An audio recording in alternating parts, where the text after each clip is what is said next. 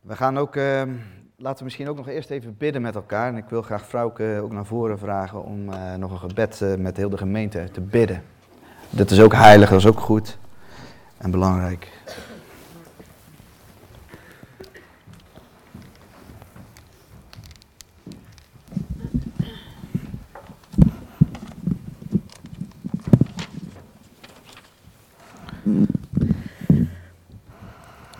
Ja, ik met jullie danken en bidden.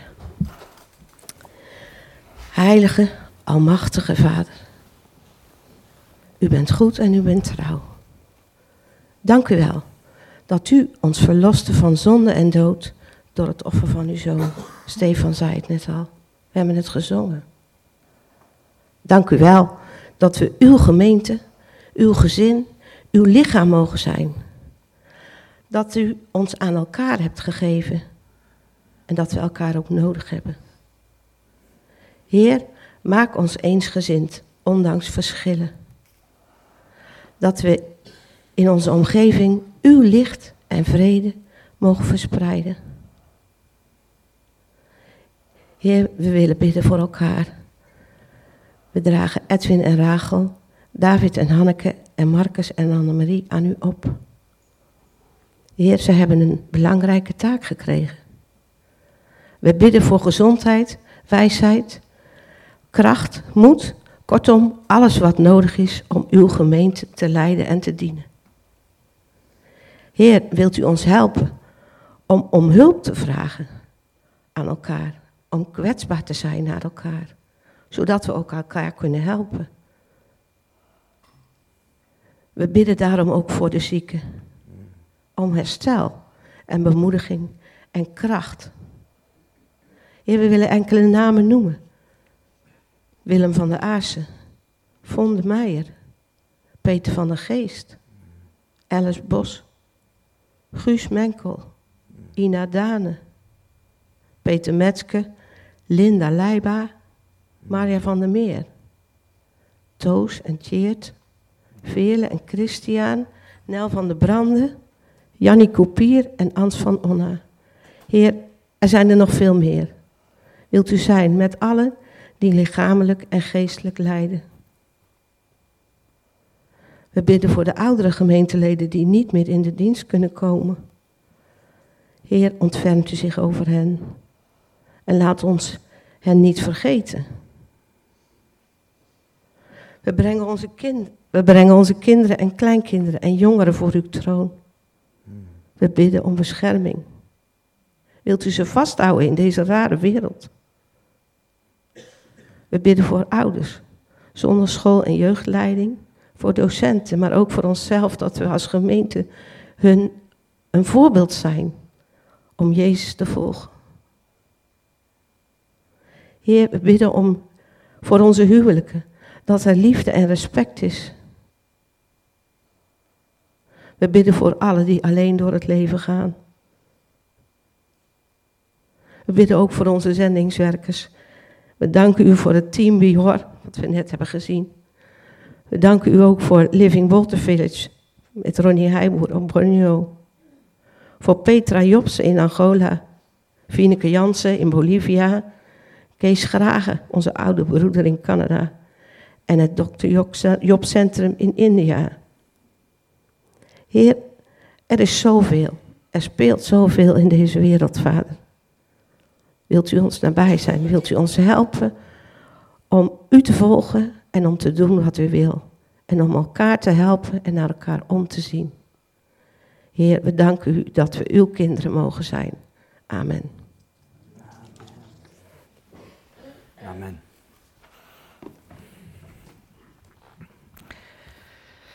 Ja, en elke keer als ik. Uh, ik heb een zoontje van uh, zes, Adam. En uh, die komt uh, uit school. En, uh, elke en dan gaan we als een potje voetballen. En als hij scoort, dan doet hij altijd een bepaalde beweging. Dan, dan gaat hij rennen. Dan springt hij in de lucht. En dan maakt hij een halve slag. En dan zegt hij vervolgens... Joe! Wat blijkt, dat, is een, dat doet Ronaldo, een voetballer, die doet dat altijd. Elke keer als hij scoort, dan doet hij datzelfde dingetje. Dan rent hij, sprint hij in de lucht, draait hij een halve slag en dan zegt hij... Joe! Zegt hij dan. Dat wist ik niet. Maar ja, zo leer je nog eens wat van je kinderen. Hè? Maar toen dacht ik bij mezelf, heb ik ook iets wat ik eigenlijk altijd doe? En toen dacht ik, ja, ik doe ook eigenlijk altijd wel iets. Ik doe altijd, voordat ik vertrek, doe ik altijd zo. Sleutels, telefoon. Herkennen jullie dat? Ja, elke keer als ik vertrek, zo, ja. En dan ben ik eigenlijk wel benieuwd, hebben jullie allemaal vandaag je sleutels en je telefoon meegenomen? Ja, niemand vergeten? Goed zo. Hebben we onze Bijbel ook meegenomen? Steek je even in de lucht, want uh, ik wil het wel zien hoor.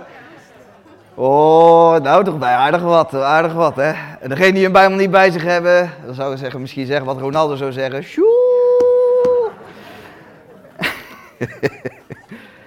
Laten we gaan bidden met elkaar dat we het woord van God mogen openen. Vader in de hemel, ik dank u wel voor uw woord. Heer, uw woord kwam naar deze wereld. En u hebt uw woord gegeven. En Jezus Christus is gekomen om te vervullen wat er geschreven staat. En ik dank u wel, Heer, dat wij uw woord hebben. Heer, mensen zijn hiervoor gestorven, mensen hebben hiervoor geleden. Mensen hebben alles gedaan, Heer, om het woord te bewaren en, en, en te verkondigen. Heer, en wij hebben het gewoon. Dank u voor uw woord. Heer, openbaar ons uw woord. Openbaar ons wat u vandaag te vertellen hebt aan uw gemeente. Heer, u bent heilig, u bent goed, Heer. En ik dank ook voor alle liederen. Heer, waarin het evangelie zo duidelijk klonk. Ik dank u, ik dank u, Heer. Zegen ons. In de naam van uw Zoon, Jezus Christus. Amen. Amen. Zo. Ja, misschien wisten jullie het niet, maar we zijn uh, aanbeland uh, bij uh, het laatste deel van onze prekenserie. Oh, hadden we een prekenserie? Ja, we hadden een prekenserie. Had je dat niet door? Nee, het thema was eigenlijk pure liefde. Anne-Marie had dat even goed uitgelegd, dat ging om pure liefde. Ik ging vertellen waar het dan eigenlijk om ging, was heiliging. Maar uh, pure liefde klinkt natuurlijk wat, uh, wat, wat fijner, wat mooier. Maar het gaat over heiliging. En uh, even een samenvatting. wat, hoe weten jullie nog drie weken terug, toen ik de boodschap had, waar ging het over? Ja, heiliging. Ja. Wees heilig, want ik ben heilig. Dat wij de heerlijkheid van God mogen, mogen, mogen reflecteren, mogen uitstralen. In alles wat we doen. En toen kwam Annemarie. Weet iemand waar de preek van Annemarie ongeveer over ging? De waarheid spreken, ja. Pure liefde was het, uh, haar titel. En ze gaf één sleutel in onze handen en dat ging over de waarheid. De waarheid. Toen kwam Ad. Nee hoor, geen probleem. Maar Ad kwam. En die, waar ging, hij, waar, ging, ging zijn titel over? Weet iemand dat nog? Prachtig lied. Vreugde. Vreugde. Vreugde in de navolging van God. Vreugde in het apart zetten van God. Vreugde, vreugde in de heiliging. Vreugde. Want het is, het is blijdschap. Nou. Ik ga even kijken of de PowerPoint. Uh, kijk, dat is, uh, dat is ongeveer uh, de samenvatting. Dit is mijn titel van deze preek. Ja, ik dacht, ik, zoek een titel wat een beetje de lading dekt. De noodzaak van het evangelie in heiliging en pure liefde volgens de brief van de gemeente van Efeze. ja, ik denk, ja, ik, ik, ik wist niet waar, hoe ik het moest noemen. Maar dit is waar, waar ik het vandaag over wil hebben, lieve mensen. Ik wil het hebben over het evangelie. En hoe belangrijk het evangelie is. En zeker nog steeds voor degenen die het evangelie hebben gehoord, die het evangelie hebben aangenomen, die het evangelie geloven. Is het evangelie is essentieel, lieve mensen, om te groeien in heiliging. Te groeien in heiliging. En uh, serieuze boodschap, ik ga het nu nog, begin nog niet met de Bijbel te openen. Ik wil, het is altijd een serieuze boodschap, want anders uh, verkondigen we het niet op zondag natuurlijk. Maakt niet uit of het licht is of zwaar is, het blijft serieus. Maar ik begin even met een grapje, om het toch even wat lichter te maken. Er kwam een man bij een dokter, samen met zijn vriend. Hij had een afspraak met de arts, want hij zou uitslag krijgen van, zijn, van een uh, onderzoek. En dat kon nogal een uh, heftige uitslag zijn. En de man die komt bij de dokter en uh, ze gaan zitten en de dokter zit tegenover hem, de arts zit tegenover hem met het onderzoeksrapport. En de dokter kijkt hem ernstig aan. En hij zegt, meneer, het ziet er niet goed uit. U gaat sterven. En er valt de stilte. En de man zit daar en, zijn vriend zit daarnaast. En uh, ja, Er gaat heel wat door je heen natuurlijk. Heel wat vragen, heel wat gedachten, misschien helemaal niets, maar op een gegeven moment komt er toch een vraag naar boven. En de man vraagt, dokter, hoe lang heb ik nog? En de dokter kijkt hem aan zo. Hij zegt 30. Ja, 30 wat? 30 maanden, 30 jaar? Wat, wat, wat bedoelt u? En dokter pakt zijn horloge en hij zegt 29, 28. ja, een hard mopje. Wat een vervelend mopje is dat nou weer. Maar stel je krijgt, je krijgt dat te horen, je hebt nog 30 seconden. En jouw beste vriend heeft nog 30 seconden. Wat zeg je dan tegen je vriend? In die 30 seconden. Ja, ik hou je. Ga naar de Heer. Je hebt 30 seconden om het evangelie te verkondigen, lieve mensen. Je hebt 30 seconden om het evangelie te verkondigen. En er zijn mensen die zijn, uh, als, je, als je een bedrijf hebt, als je een, een, een, een, een, een financiering nodig hebt, dan moet je oefenen op je elevator pitch. je stapt als het ware bij een financier in de lift. En je zegt, meneer, mag ik u even spreken? Of mevrouw. En, en, en de lift gaat omhoog en die zegt, nou, je hebt precies 30 seconden de tijd. Je wil geld, je wil investering, zeg het maar.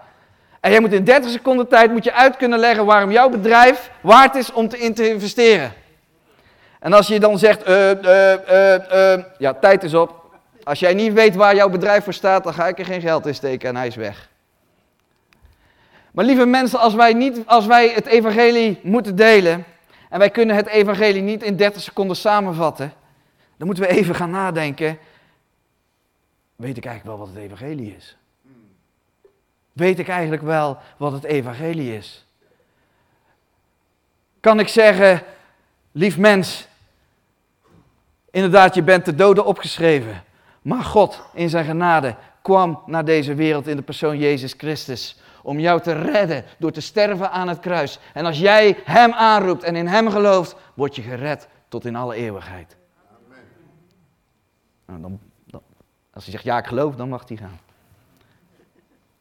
Maar lieve mensen, het evangelie is essentieel. Essentieel. En we gaan met elkaar ook lezen even wat het evangelie is. En wat, herken, en, en, en wat dat inhoudt. En ook wat dat dan betekent in onze wandeling met God in heiligheid. En we gaan met elkaar openen Efeze 2. En dan lezen wij vers 1 tot en met uh, eh, 10. En dan ga ik even met jullie uh, stilstaan bij alle verschillende versen. Efeze 2, vers 1 tot en met 10. Ja, het staat niet op de beam, want we hebben allemaal een Bijbel bij ons. Hè? Dus dat, uh, dat, zo doen we dat. En er staat geschreven, ik lees uit de herziende statenvertaling. Ook u heeft hij met hem levend gemaakt. U die dood was door de overtredingen en de zonde. Waarin u voorheen gewandeld hebt. Overeenkomstig de leefwijze van deze wereld. Overeenkomstig de wil van de aanvoerder van de macht in de lucht. Van de geest die nu werkzaam is in de kinderen van de ongehoorzaamheid onder wie wij ook allen voorheen verkeerden in de begeerte van ons vlees, door de wil van het vlees en de gedachten te doen.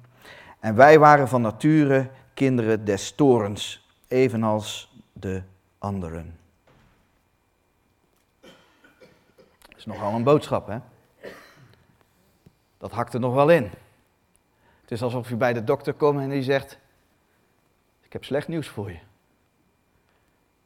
Je hebt niet lang meer te leven. En eigenlijk is dit ook het besef waar wij eigenlijk vandaan zijn gekomen. Uit welke lap wij allemaal gescheurd zijn. Een lap. Dat was misschien een lijkwade. Laten we het zo maar. Het is een ernstige boodschap. Maar daar komt vers 4. Goed nieuws. Goed nieuws.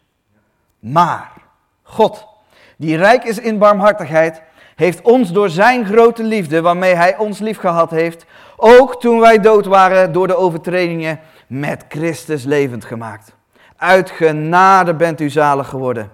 En heeft ons met hem opgewekt en met hem in de hemelse gewesten gezet, in Christus Jezus.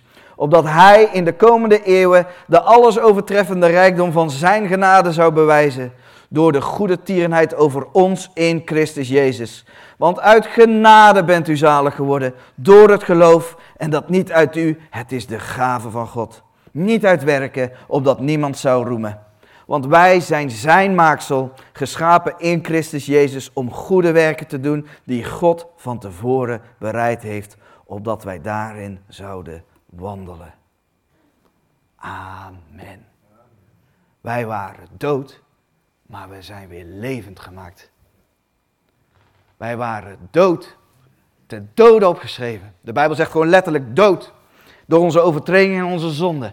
Maar Gods genade kwam en hij heeft ons gered. Hij heeft ons weer levend gemaakt. Wij mogen weer leven, we mogen weer staan, we mogen wandelen in de goede werken. En dat allemaal uit genade, omdat God naar ons omzag en zijn zoon stond naar deze aarde. Dat is het evangelie, lieve mensen. Dat is het goede nieuws. Als ik te horen krijg bij een dokter dat ik niet lang meer te leven heb en een vriend van mij die zit naast mij en die zegt, mag ik je advies geven? Zeven stappen naar uh, financiële onafhankelijkheid. Dan zou ik zeggen, donder op met je zeven stappen van financiële onafhankelijkheid. Ik heb goed nieuws nodig. Ik heb goed nieuws nodig. Ik heb het evangelie nodig. En als je, als je het evangelie nog niet gehoord hebt, of nou laat ik het maar zo zeggen. Als je het evangelie gehoord hebt, dan laat je jezelf dopen als je het gelooft. Voor degenen die nog niet gedoopt zijn. Luister naar het evangelie. Want dan heb je het misschien nog niet begrepen. Ja. En wat heeft dit dan te maken met heiliging? Wat heeft dit dan te maken met heiliging? Het heeft ermee te maken met het eerste gedeelte. Waarin u voorheen gewandeld hebt. We waren dood door de overtredingen en de zonde. Ik moet even uitleggen uit welke lap wij gescheurd zijn. Uit welke staat wij zijn gekomen. Hoe ernstig het was eigenlijk met ons als mens om te kunnen begrijpen dat wij niet meer terug moeten gaan naar de braaksels en de modder waar wij uit zijn getrokken. Dus ik wil even duidelijk aan jullie uitleggen wat het probleem is. En waarom wij genade nodig hebben. En er zijn drie vijanden dus eigenlijk. Oh ja, even eerst even deze twee. Voor degene die. Wat is het verschil eventjes? Wat is het verschil tussen een dood mens en een levend mens? Want wat de Bijbel zegt als dood, spreekt als dood, dat zijn mensen die vandaag de dag nog springlevend lijken, hè? Die gewoon nog rondlopen, die gewoon nog hun ding doen, die gewoon nog hun best doen, die hun leven leiden naar eigen inzichten. Die hun leven ook gewoon doen wat goed is in hun eigen ogen. Maar als ze het evangelie niet hebben gehoord, zijn ze dood. Als ze het evangelie niet hebben aangenomen, zijn ze nog steeds dood. En wat is het verschil? Degenen die levend zijn, volgens de Bijbel, zijn in het licht. Degenen die dood zijn, wandelen in de duisternis. Je hebt geloof, je hebt ongeloof. Je hebt waarheid tegenover leugen, rechtvaardigheid tegenover zondig. Degenen die levend zijn, zijn kinderen van God. Degenen die dood zijn, zijn kinderen van de Satan. Degenen die leven, wandelen in het koninkrijk van de geliefde zoon. Degenen die dood zijn, horen nog in het koninkrijk van de duisternis. Levend zijn de mensen die uit de wereld zijn. Dood zijn de mensen die nog in de wereld zijn. Van de wereld zijn, bedoel ik, van de wereld. Geest tegenover vlees. Gered tegenover verloren. Liefde tegenover haat. Lieve mensen, dat is, best wel veel. Dat is best wel heftig. En hoe komt het dat wij volgens de Bijbel dood waren? Voor degenen die dat ooit waren. En zoals ik al zeg, ik wil even uitleggen uit welke lap wij ook alweer gescheurd zijn. Zodat we beseffen dat we daar nooit meer terug naartoe gaan. Want er zijn drie vijanden Maarten Luther heeft dat in zijn quote heeft dat ooit uh, benoemd. De wereld, het vlees en de duivel. Er zijn drie vijanden, als we in Efeze lezen ook, die genoemd worden in Efeze uh, vanaf vers uh, eh, 2. Waarin u voorheen gewandeld hebt overeenkomstig de leefwijze van deze wereld. Overeenkomstig de wil van de aanvoerder van de macht in de lucht. Van de geest die nu werkzaam is in de kinderen van de ongehoorzaamheid. Dat is dus de duivel, Satan met al zijn demonen onder wie ook wij allen voorheen verkeerden in de begeerte van ons vlees, door de wil van het vlees en de gedachten te doen. En wij waren van nature kinderen des torens, evenals de anderen. Lieve mensen, wij waren allemaal, zaten wij in deze kluwen. In deze kluwen van vijanden, als het ware, om ons heen. En er waren drie vijanden. Dat was de wereld, dat was het vlees en dat was de duivel en zijn demonen. Wij zaten vast. En daarom waren wij dood. Wij zaten vast in deze kluwen. En misschien kunnen ze, daar ga ik straks nog wel even verder over hebben, maar toen Jezus kwam naar de aarde, toen kwam hij ons om ons te redden. Maar waarvan? Waarvan kwam Jezus ons redden? Van ons vlees? Nee. Komt hij ons dan redden van de wereld? Nee. Nou, dan komt hij ons vast wel redden van de duivel. Nee.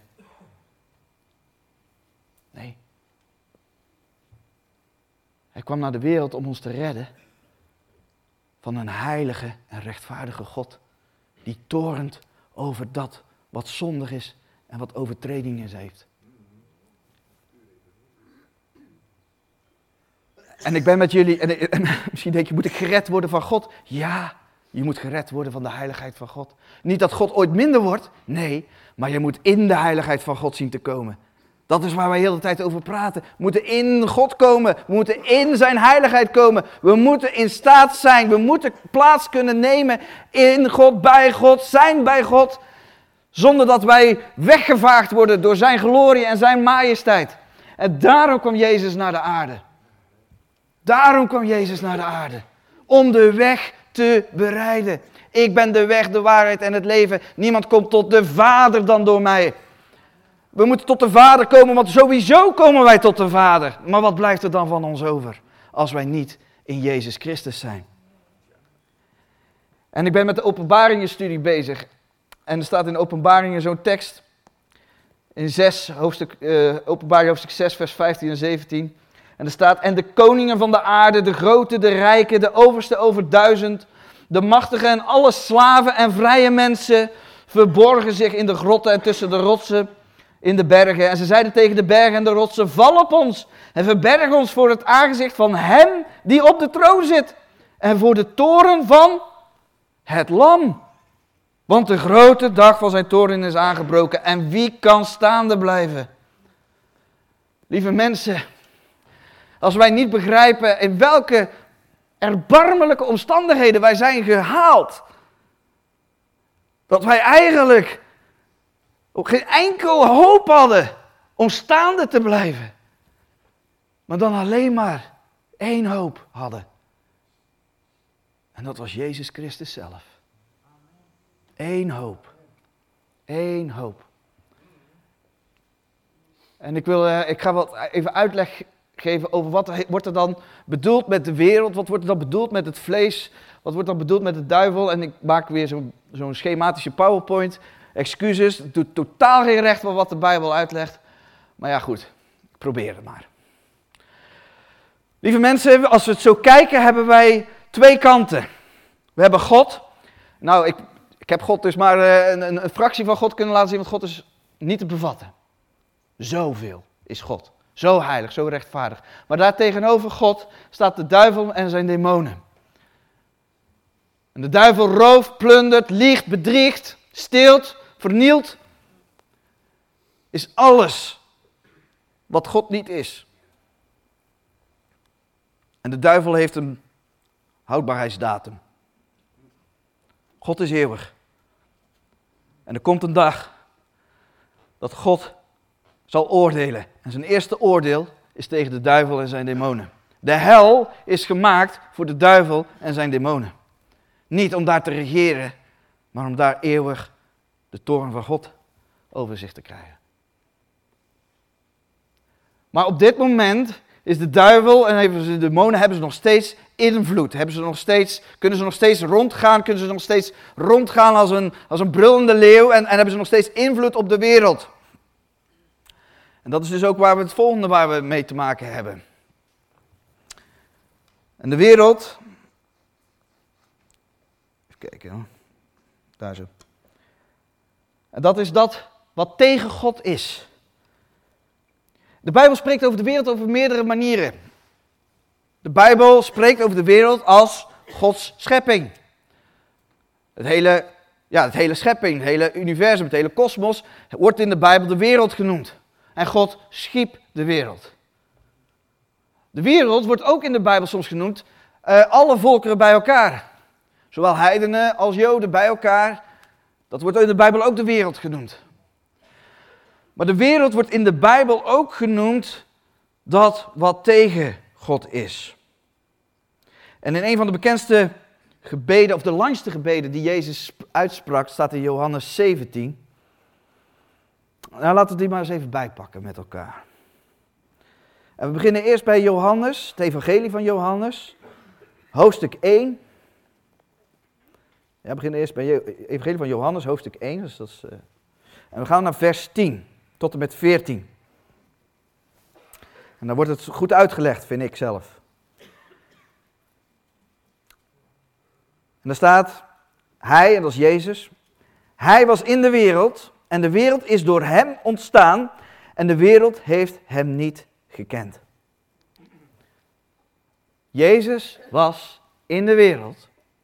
De wereld die hij zelf heeft gemaakt, dat is dus de schepping. Dus hij was in de wereld, hij was onder alle volkeren, was die, hij zat daartussen. De wereld, dat is de kosmos, alles wat hij heeft gemaakt. En de wereld, dat is datgene dat tegen hem is, heeft hem niet gekend. En er staat, hij kwam tot het zijne, dat zijn de Joden, maar de zijnen hebben hem niet aangenomen. Maar allen die hem aangenomen hebben, hun heeft hij macht gegeven kinderen van God te worden. Amen. Namelijk die in zijn naam geloven. Die niet uit bloed, niet uit de wil van vlees, ook niet uit de wil van een man, maar uit God geboren zijn. En het woord is vlees geworden en heeft onder ons gewoond.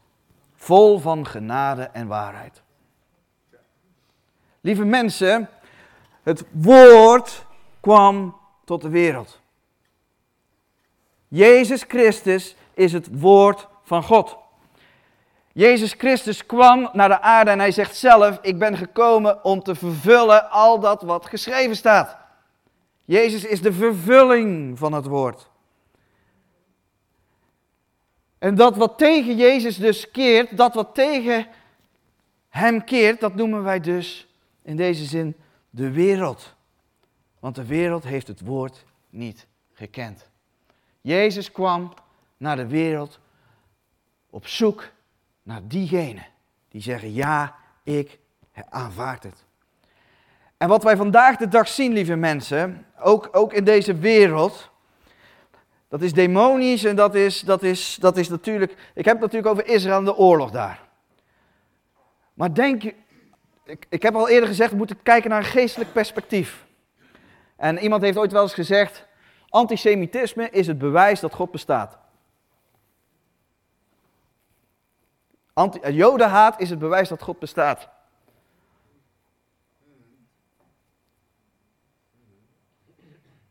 En dat is ook een quote die ik, uh, waar ik aan moest denken, was uh, no Jews, no news.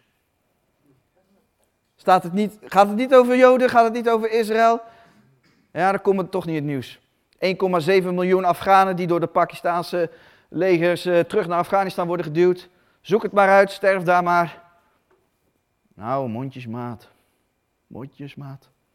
Al die afslachtingen in Afrika. Volgens mij is het nou in Sudan, dacht ik. Mondjesmaat. Mondjesmaat. Maar gaat het over Israël? Dat kleine postzegeltje. Grootte van België.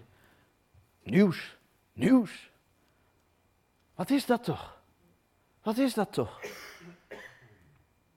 Is dan de duivel, zijn dan de, is dan de Satan zo gekeerd tegen Gods volk? Nou, bovenal tegen de vervulling van Gods woord. Want er staat geschreven. Er is een landbelofte aan de Joden. En er staat geschreven dat Jezus terug zou komen. En dat alle stammen van het land hem zullen zien. Er is iets in vervulling aan het gaan. En de boze is maar op één ding gericht. Tegen het woord van God. En de wereld, met al haar gedachten en al haar spinsels, ja, dat is eigenlijk waar, waar, waar. Je kan zeggen, ja, maar ze doet toch niks fouts? Nee, totdat je met het woord van God komt. En ook als je nu aan het nadenken bent op welke partij moet ik kiezen. Is het nou progressief, conservatief, links, rechts? Weet je, de wereld is tweedimensionaal. Die kent alleen deze vier richtingen en alles wat daartussen zit, zo tweedimensionaal. Maar het woord van God is driedimensionaal, want die gaat omhoog. En wij christenen kunnen prima met wereldse mensen samenwerken, maar wij gaan wel omhoog. En is het misschien progressief omhoog, dan gaan we progressief omhoog. Is het conservatief omhoog, gaan we conservatief omhoog. Rechts, links, maakt niet uit, maar wij gaan omhoog. Wij doen de wil van God. En de wereld probeert je naar beneden te houden. Down. En als je dan ook nog eens hebt over goed de wereld, Jezus kwam in de wereld. En dan hebben we ook nog te maken met ons vlees. Ons oude ik, ons zondige natuur. Waar wij nu niet meer mee deel van te maken hebben, hè? Tenminste, dat zou moeten, want wij zijn allemaal gered, we zijn allemaal tot geloof. Maar even terug, even die oude lap, dat braaksel nog eens even bekijken. Ons vlees. En daar staat ook in, in, in de gelaten staat dat zo. Wat is dan het vlees? Nou, de werken van het vlees, ik zal er een paar opnoemen. Even kijken. In Galaten hoofdstuk 5. Het is bekend wat de werken van het vlees zijn, namelijk overspel, hoererij, onreinheid, losbandigheid. Zo. Nou ja, het is pas geleden de 11e van de 11e geweest. Er is heel wat losbandigheid geweest. Mag toch wel. Een pilsje op zijn tijd. Ja, dat staat er niet. Losbandigheid. En waar doe je het voor? Wie roept hier? Maar sommigen denken, ja, het vlees is alleen maar het fysieke. Dan, dan heb je het mis. Het vlees is niet alleen maar het fysieke. Het vlees is ook wat in je hart staat. Wat verder staat ook nog ingelaten. Afgoderij, toverij, vijandschappen. Staat afgunst, jaloezie, egoïsme. Staat er allemaal. Het, je vlees. En al deze drie willen niets met God te maken hebben. Al deze drie willen niets met God te maken hebben. En dat is daar waar wij uitgetrokken zijn. Wij hadden, we waren dood. En er was een wonder nodig. Er was genade nodig. En dank God, als we weer teruggaan naar Efeze.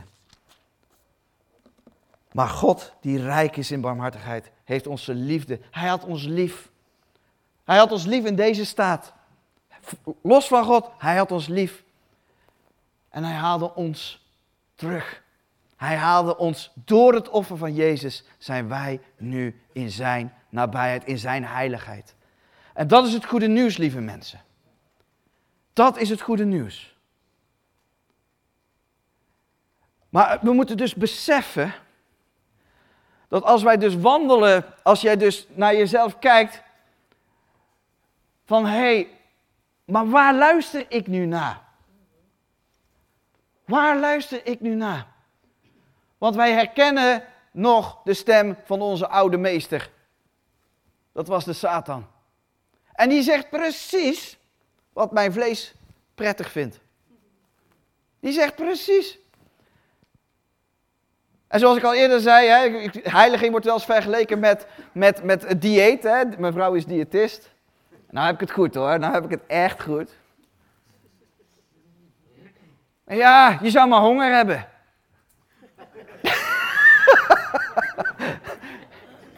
en je kan kiezen uit een taartje of een salade. Ja, salade, vroom. ja, ja. Nou, ik niet hoor. nee, maar dat is het vlees. En dat is een voorbeeldje. Maar als ik besef, laat ik het dan maar zo zeggen. Als ik uh, verstopte aderen heb gehad en, ik, en het ging niet goed met mij en mijn hart die, uh, die, die zou bijna stoppen uh, met kloppen. Allemaal omdat ik aan die taartjes heb gezeten, die vuile, vieze rottaartjes. Zo, dan zeg ik het zomaar eens een keer. Maar ik ben gered. Ik heb een operatie gehad en ik zit aan tafel en ik heb weer de keuze. Salade of een taartje? Kom op zeg. Ik walg van dat taartje. Ik kies voor salade. Want dat taartje was mijn dood. Maar die salade, dat kan ik doorleven. En hoe meer salade ik eet, hoe meer ik salade ga waarderen.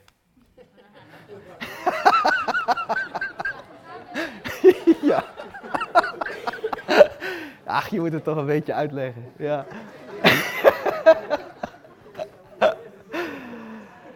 ja. Maar goed, onze drie, die drie vijanden waar we mee te maken hebben. En ik wil, ik wil jullie dus bemoedigen ook. Bemoedigen. Maar lieve mensen, we kunnen dus leven. Maar we moeten echt heel goed beseffen dat wij leven omdat wij levend gemaakt zijn. Wij leven door Christus, in Christus en alleen uit genade, dankzij Hem. En wij moeten anders gaan kijken ook naar deze drie vijanden. Want hoe vaak hoor ik dat mensen, ja, of de een of de ander, elke keer weer, weer centraal stellen. Ik moet denken aan een album ooit van de Golden Earring, een soort verzamelalbum. En dat hadden ze, weet je wat de titel was van de verzamelalbum van de Golden Earring? Alle liedjes bij elkaar. The devil made me do it. Nou, lekker. Daar ga ik dus niet naar luisteren. Maar hoe vaak hoor ik dat ook terugkomen als christenen wandelen niet in overeenstemming met Gods woord? Ja, de duivel heeft het gedaan. De duivel heeft het gedaan. Dat is makkelijk. En hoe vaak wordt er wel niet gezegd: Duivel, ik bind je. Ik bind je. Ja, dat staat niet in de Bijbel dat wij dat kunnen. En als jij de duivel kan binden, waarom laat je hem dan weer los, vraag ik me dan af. Want ik zie hem nog steeds rondgaan in deze wereld. Verwoestend, verslindend. En ja, de duivel heeft invloed. En ja, de duivel heeft gedachten. Pas geleden kwam er een zuster naar me toe die zei: ik, ik heb echt heel veel angst. Ik heb veel angst. En ik heb het gevoel dat dat demonisch is. Toen zei ik: We gaan bidden en vasten.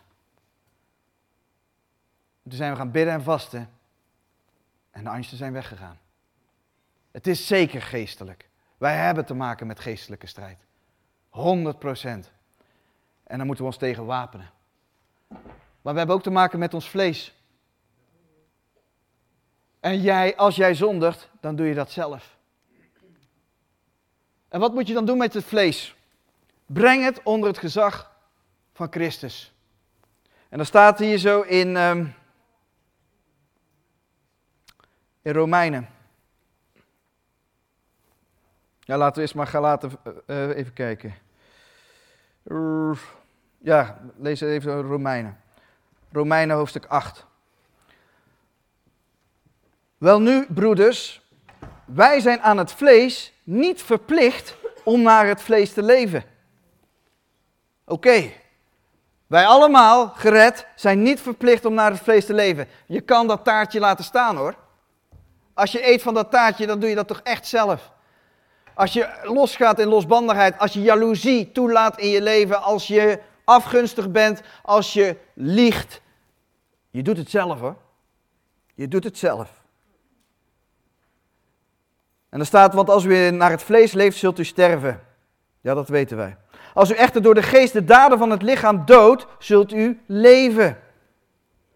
Immers, zoveel als door de geest van God geleid worden, die zijn kinderen van God. Want u hebt niet de geest van slavernij ontvangen, die opnieuw tot angst leidt, maar u hebt de geest van aanneming tot kinderen ontvangen, door wie wij roepen, Abba, Vader. Wij zijn gered en wij mogen weten dat wij kinderen van God zijn. Laten we dan ook in dat besef dat we gered zijn en kinderen van God zijn, dan ook omgaan met ons vlees. Zoals ik al zeg, als je weet waar je vandaan komt, dan ga je, dat salade, dan ga je dat, die lekkere salade eten. Ja, en kruisig dus. Kruisig dat. Want ze staan tegenover elkaar. Ja. Er staat in Galaten, ik, ik heb het hier zo. In Galaten hoofdstuk 5. Maar wie van Christus zijn, hebben het vlees met zijn hartstochten en begeerten gekruisigd. Als wij door de geest leven, laten we dan ook door de geest wandelen. Dat is dus één ding. En één ding. Het andere kant, de wereld. Er staat zoiets heel bijzonders ook in, in Romeinen. En, en Stefan zei ook iets heel moois. Hij zegt, alles wat je doet is aanbidding. Alles wat je doet is aanbidding. Toen dacht ik, wauw, amen. En dat heeft hij uit Romeinen ook. Romeinen 12.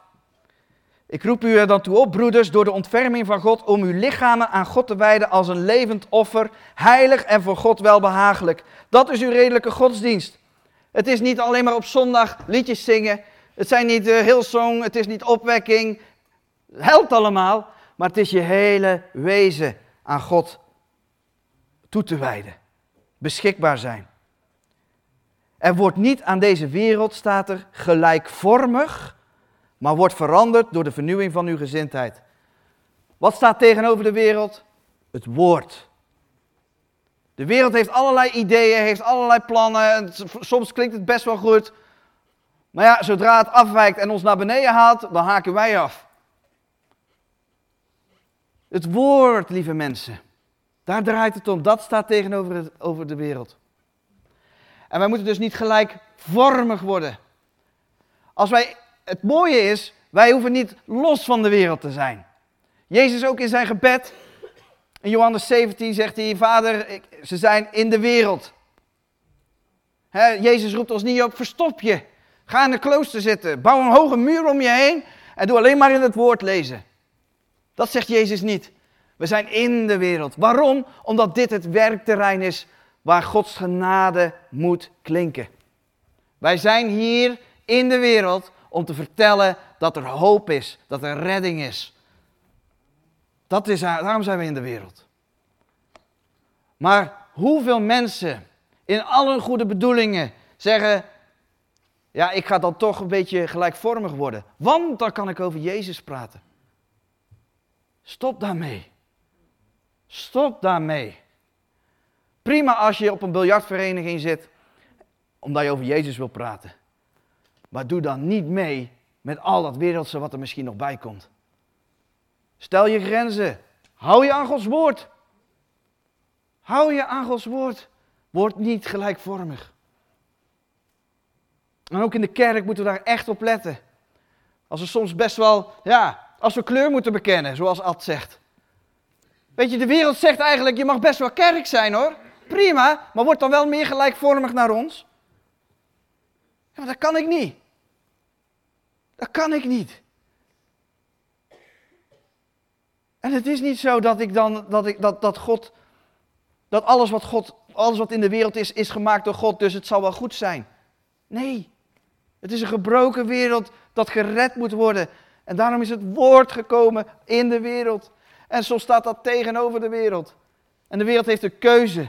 Luister ik ernaar, luister ik er niet naar. En daar moeten wij als kerk ook zeker blijven bij het woord van God. Dat is de tegenover, wat er tegenover staat. En de duivel, die moeten wij weerstaan. Daar is onze strijd. Daar zit onze, daar zit, daar, nou als je toch wil strijden, als je toch wil vechten, strijd dan tegen de duivel. Als je in de wereld staat met een bord, bijvoorbeeld Hamas is ISIS, en je wordt dus aangevallen door pro-Palestijnse supporters, ga dan niet zeggen, oh de wereld. Nee, want het is een geestelijke strijd. Die mensen hebben het evangelie nodig. Die mensen hebben het evangelie nodig. Ze zijn misschien verblind, ze zijn verdwaasd, maar dat waren wij ook ooit. Dat waren wij ook ooit. En daar moeten we bidden, bidden. En als we tegenstand ervaren, weet dan welke tegen, waar, de, waar de bron van de tegenstand ligt. Dat is de duivel. En daar strijden we tegen. En daar hebben we Efeze voor. Efeze 6, vers 10 tot en met 18. Lees dat thuis na in gebed. Onderzoek het. Het is maar weer een glimp, het is maar weer een korte samenvatting. Maar lieve mensen, wij hebben het evangelie nodig. In ons leven, in onze heiliging. Om te stralen en om Gods wil te doen. En daarom sluit ik af met vrede, zij de broeders, en liefde met geloof van God de Vader en van de Heer Jezus Christus. De genade zijn met allen die onze Heer Jezus Christus in onvergankelijkheid liefhebben. Amen. Amen. Laten we danken. Vader in de hemel, ik dank u, Heer, dat wij gered zijn. Door uw genade, door uw Zoon, Jezus Christus. Heer, en ik bid voor ieder wie het evangelie, die het evangelie nog niet hebben aangenomen, nog niet geloven. Heere, wees genadig. Raak hun hart aan. Maak hen levend. Laat ze naar uw woord luisteren. Heer, en ik bid ook voor uw gemeente hier in Steenbergen. Dat we dicht bij u blijven. In u blijven. U vasthouden. En mogen weten hoe goed het is dat we eeuwig, eeuwig, eeuwig leven. Dankzij uw Zoon Jezus Christus. Laten we daarom ook wandelen in leven, in vrijheid, in heiligheid. Dank u wel, Heer Jezus, voor zoveel genade. Amen.